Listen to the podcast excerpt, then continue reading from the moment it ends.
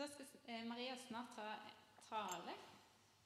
Så da skal jeg lese først fra Johannes 2, vers 1-11.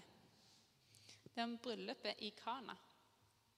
Den tredje dagen var det et bryllup i Kana i Galilea. Jesu mor var der. Også Jesus og disiplene hans var innbudt. Da vinen tok slutt, sa Jesu mor til ham, 'De har ikke mer vin.' 'Kvinne, hva vil du meg?' sa Jesus. 'Min time er ennå ikke kommet.' Men moren hans sa til tjenerne, 'Det han sier til dere, skal dere gjøre.' Det sto seks vannkar av stein der, slike som brukes i jødenes renselsesskikker. Hvert av dem rommet to eller tre anker. Fyll karene med vann, sa Jesus til tjenerne. De fylte dem til randen. Øs nå opp og bær det til kjøkkenmesteren, sa han. Det gjorde de.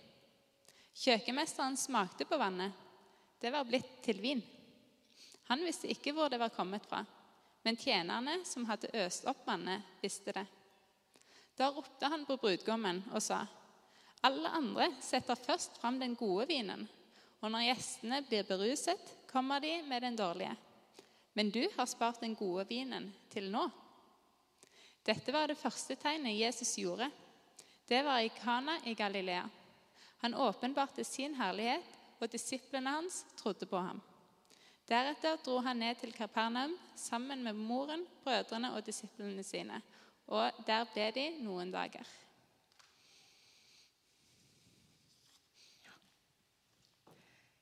Hvis, hvis noen kjenner de får litt høy puls nå så vil jeg si at den er alkoholfri. Ikke fordi vi tror Jesus nødvendigvis hadde alkoholfri vin, men i respekt. Vi vet ikke hva folk bærer med seg av historie. Men det er en fantastisk historie, dette. Det er en fantastisk historie. Eh, en gang jeg var tenåring Jeg husker veldig godt. Jeg sto i kiosken, for jeg skulle ta ut noe cash. Og så var det jo sånn den gangen at Hvis du skulle ta ut noe på kortet, så måtte du liksom kjøpe noe først. Sånn at eh, Jeg gikk og fant meg marsipanpølse som var overtrukket med sjokolade, som er liksom min største eh, svakhet. da. Den kosta ti kroner, så jeg kjøper den. Så får jeg ut de andre 200 kroner. Og mens jeg liksom trekker kortet, så tar jeg en sånn stor bit av denne marsipanpølsa og bare tygger og kjenner hvordan det smelter i munnen. Og det er bare, oh, Marsipanpølse. Nidar. Beste som finnes. Men så stopper opp. Fordi transaksjonen ble ikke godkjent. Uh, så tenkte jeg vi prøver igjen og prøver igjen. Men det gikk ikke da heller. Uh, og så tenkte jeg filler'n, jeg får heller uh, ut i cashen og så bare betaler for pølsa, da, i hvert fall. Men det gikk ikke, det heller. Og så sto jeg der med ei avtygd marsipanpølse i handa. Og jeg, tenkte, jeg husker jeg tenkte Hvorfor i huleste tok jeg en bit av den pølsa? Kunne jeg ikke bare venta litt? Du kunne liksom ikke bare legge den fram og si jeg skal ikke ha den likevel. Liksom. Det var stuck med halvspist marsipanpølse. Og blikket til han eh, bak disken der Han var holdt meg fast. Kjølig. Jeg kunne ikke løpe ifra det. Det skjønte jeg bare. Eh, ok, mitt problem. Og det endte med at jeg måtte gå til noen andre ungdommer i kiosken der og spørre om jeg kunne låne ti kroner. Og som tenåring er det ganske pinlig. Ti kroner det er nesten ingenting. Og likevel så sa det alt om hva jeg hadde å stille opp med den avspiste marsipanpølsa. Hadde ingenting å stille opp med. Skjær ydmykelse. Og sånn er jo livet, bare i en litt sånn større skala. Sist søndag så talte Fredrik om at livet er en kamp. Og det er sant. Samtidig så er livet en fest også, på mange måter. Vi henter ut alt det gode vi kan få av det. Vi bygger hus, og vi pusser opp. Vi kjøper bil, og helst den som ikke skal på verksted så veldig mange ganger. Vi får jobb, og det er, vi skal ut og vise hvem vi kan, og hvem vi er. Og vi kjøper hytte og båt. Og vi drar på fine ferieturer. Vi drar til Lofoten. Og drar på de fineste fjellturene. Vi står på ski, og livet er fantastisk. Og vi forelsker oss, vi gifter oss, vi får barn og vi får barnebarn. Og livet er helt vidunderlig. Livet er en fest. Ikke sant, dåpsfølge? Ja, livet er en fest. Og det skal dere ha i dag. Så dere skal kose dere med hverandre. Dere skal kjenne wow, tenk å ha så mange mennesker som vi er glad i. Og Hildegunn kommer til å diske opp oss og prate hele tida. Og det skal skiftes litt bleie. Og det skal, eh, altså, hjertetanken skal fylles opp. Og så skal det vaskes opp, og det skal ryddes opp. Og innen Erlend og Hildegunn går i seng, så detter hodet på puta. Og så sier Hildegunn Å, Erlend, er det ikke fantastisk å ha barn? Og Erlend sier jo. Vi lager en til. Og så fortsetter festen. Og så er det bare helt vidunderlig. Og så, midt i livets fest, så har jeg en god og en dårlig nyhet. Den dårlige nyheten er at alt dette kommer til å ta slutt. De gamle lærerne i jødedommen de sa når vinen er slutt, da er festen over og gleden er borte. Og Sånn er det på mange måter. En dag så står du der med halvspist marsipanpølse i hånda og en regning du ikke kan betale. Det er slutt. Men den gode nyheten er at selv de beste øyeblikkene i livet ditt Det beste når du tenker på hvordan har jeg det, den aller best Det var den dårlige vinen. Nå kommer den gode. Tenk det. Skjønner dere? Ok, Vi skal spole litt tilbake.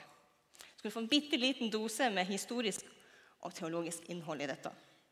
For I det jødiske bryllupet som vi har lest om, så var det uten tvil det var årets høydepunkt på landsbygda.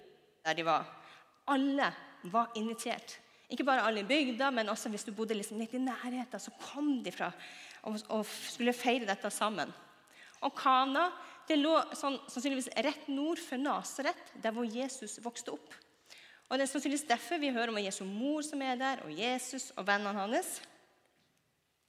Men i forveien så hadde dette paret hatt ca. ett år med forberedelsestid. Det starta med at brudgom, eller mannen, gikk til brudens far, eller liksom jenta sin far, og så ble de Og når de var enige, så ble det helt vin i glass. Mannen helte opp.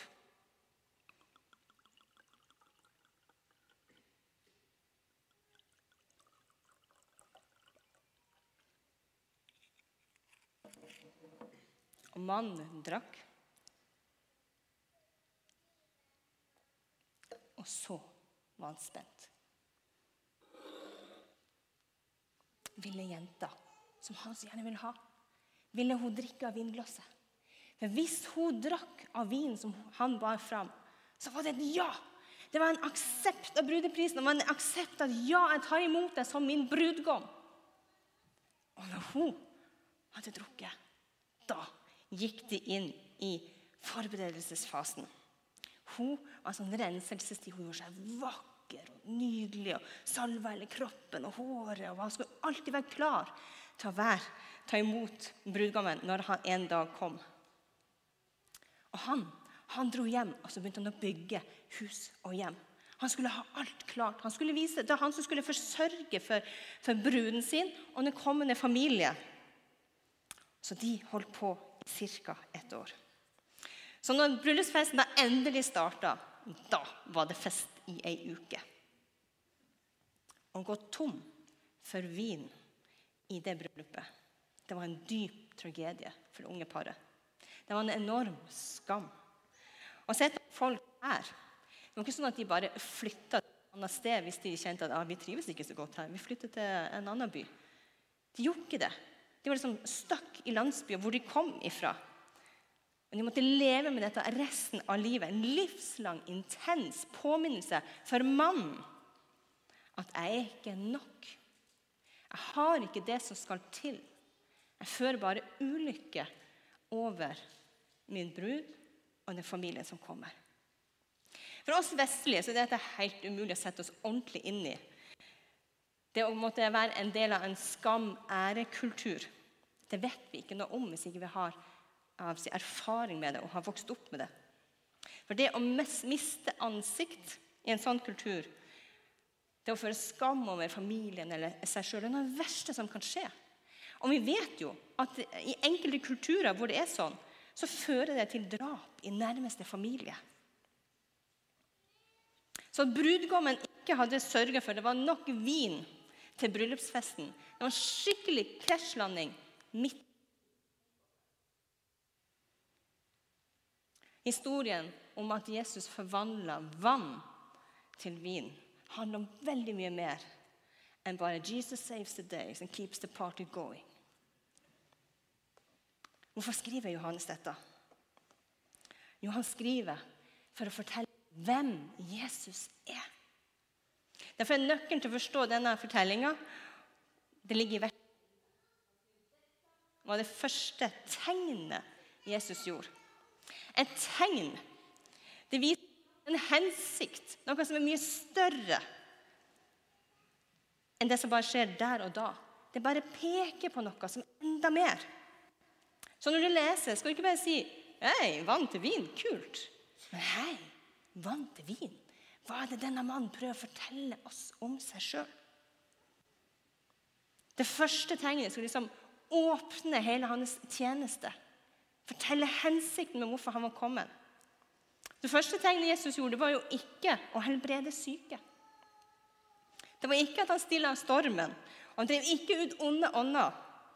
Og heller ikke brødundre var det første tegnet. Alt dette kom også seinere.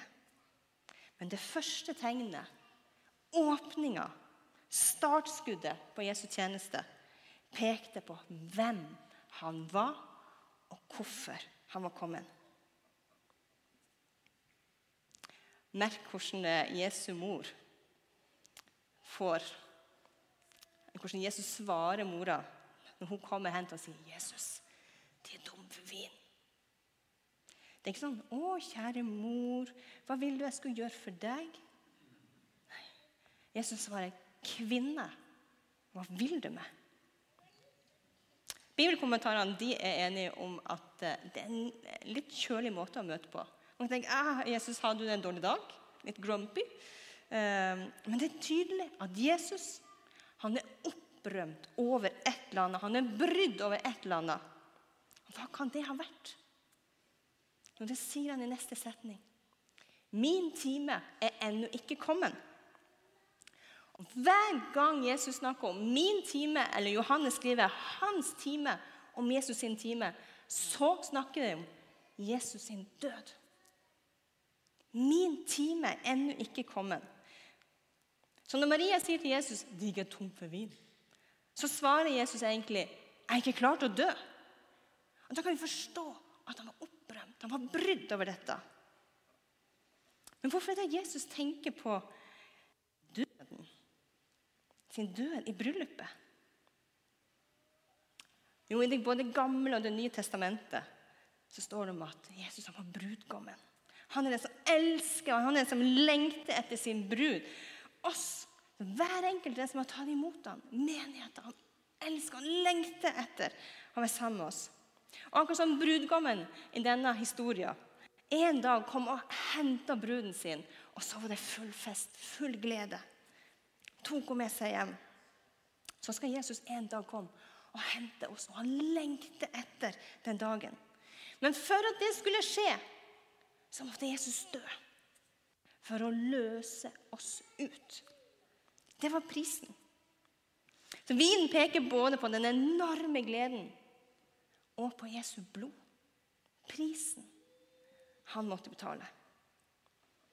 Så Jesus han ber tjenerne om å fylle vannkarene som er brukt til renselse. Det var svære kar som romma ca. 100 liter hver. Store greier. Det var som jødene brukte for å rense seg. Det var sånne strenge og det var viktige ritualer for dem. Ikke bare for hygienen, at de skulle være rene hender og ren kropp, men for det pekte på noe at åndelig, at også hjertet vårt trengs å renne. Det er noe som skiller oss ifra Gud. Og vi har et ønske om å rense det, sånn at vi kan komme nær. Du har kanskje hørt eh, noen av de gamle i menigheten til synge 'Jesu blod vasker hvitere enn snø'. Det er en sånn kanonspråk, kan man si. Men Jesu blod vasker hvitere enn snø. Ikke tilfeldig at Jesus valgte de ene vannkarene til vin. Vann kan ikke rense oss på innsida. Men det kan Jesus med sitt blod. For det som så ut til å være universets største nederlag, at ordet som skapte, ordet som var Gud, døde. Svak, banka, torturert, spytta på. Det var intet mindre enn universets største gjennombrudd. At dødens makt og kreft, som er våre siste fiende som holder fast i oss, det beseira med den største kjærlighetshandling. Brudgommen som var villig til å tømme sitt beger. Villig til å betale prisen for den han elsker. Og hver den som tar imot. Hver den som tar imot forvandles, akkurat som de vannkarene her, fra syndere til hellige. Reinvaska på innsida. Derfor er det Paulus sier vi er som skrøpelige kar. Vi er jo de samme på utsida, men som bærer på en vidunderlig skatt. Er det rart at Jesus brukte bryllup og vin som sitt første tegn på hvem han var? Vi lever, og vi ønsker jo at gleden ikke skal ta slutt. Og Det var derfor Jesus kom. Det er det han vil gi oss. Brudgommen i denne fortellinga planla ikke å gå tom for vin. Likevel så innhenta virkeligheten han. Og jeg sier det igjen. Den dårlige nyheten er at vin tar slutt. En dag blir kona masete. En dag blir ungene grinete. Ungdommen vil ingenting. Og mannen flykter ut i sitt arbeid. Og du mister motet. Og du mister fysisk styrke. Du kjenner på sykdom som kommer og tar helsa di. Angsten, ensomheten som vokser i takt med ugresset utafor huset, som du ikke har fått malt, og som du ikke orker. Og økonomien blir plutselig litt usikker. Men bekymringen er kanskje større. Hvordan skal jeg klare det her? Og da er du ufin. Og da kommer du, Når du er gretten, så kommer de ufine sidene fram. Ikke sant? De som har vært på tur med 4M, og sånn, de vet at da, da, kommer liksom det fram, det som ligger der nede. Og på toppen av det hele så skal vi prøve å bevise for hele verden at vi er gode nok. Men alt dette, det er bare et hint om at en dag skal alt ta helt slutt. Men den gode nyheten er det var den dårlige vinen! Det var den billige vinen. Selv de beste øyeblikkene i dette livet her, det er den dårlige vinen.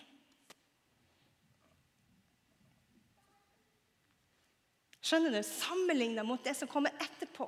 Sammenligna mot det Jesus vil gi deg. Det er refrenget gjennom hele Bibelen. At de lykkeligste menneskene, det er de som går tom for vin.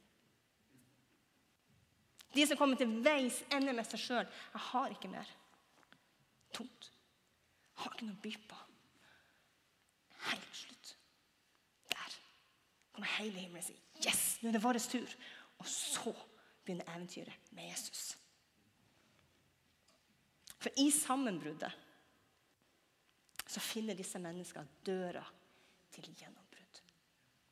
Døra til gjennombrudd finnes der nede når alt er tomt. Fordi Jesus tok vår ydmykelse på seg. Og så vender han det til den beste vinen ever. Når jeg ikke er nok, så sier han men jeg er nok, sier Jesus. Når jeg er svak Jeg skal være sterk, sier Jesus. Jeg er tom. Jeg har alt du trenger. Det er jo det som er så sykt vanskelig for oss. Å innrømme at vi går tom, sånn at vi kan slippe Jesus til. Og innrømme at vi også, vi som er kristne Jeg snakker ikke om alle andre. Jeg snakker om oss kristne. Vi heller ruser oss på den billige, dårlige vinen enn å drikke dypt av den kjærlighet han vil gi. Hva er den billige vinen i ditt liv? Hva er det du nipper til som tenker dette gir meg alt jeg trenger? Nå kommer det en solosang. Og mens det synger, så kan du se litt over det. Hva er den billige vinen i ditt liv? Hva er det du drikker av og ruser deg på? Så tenker dette er det jeg trenger. Og Hvis du vil gjøre noe med det, ikke bare tenke på det, men gjøre noe med det, så er det mulighet for forbønn etterpå. Men aller mest vil jeg si snakk med noen om det. Utfordre hverandre. Hva, hva slags vin er det vi drikker i livet? Så husker vi på at miraklet det skjedde backstage. Fordi tjenerne de hørte på Maria og tok det på alvor når hun sa ok, kanskje han er litt grumpy, men gjør det han ber dere om. Så hvis dere hører på Maria Jeg heter Maria. Hun sier gjør det han ber dere om. Så kommer han til å fylle på. Takk, Jesus, fordi du ga ditt liv, for vi skulle få den uendelige, evige gleden sammen med deg. Så ber jeg om at du skal tale til oss nå i denne sangen. Amen.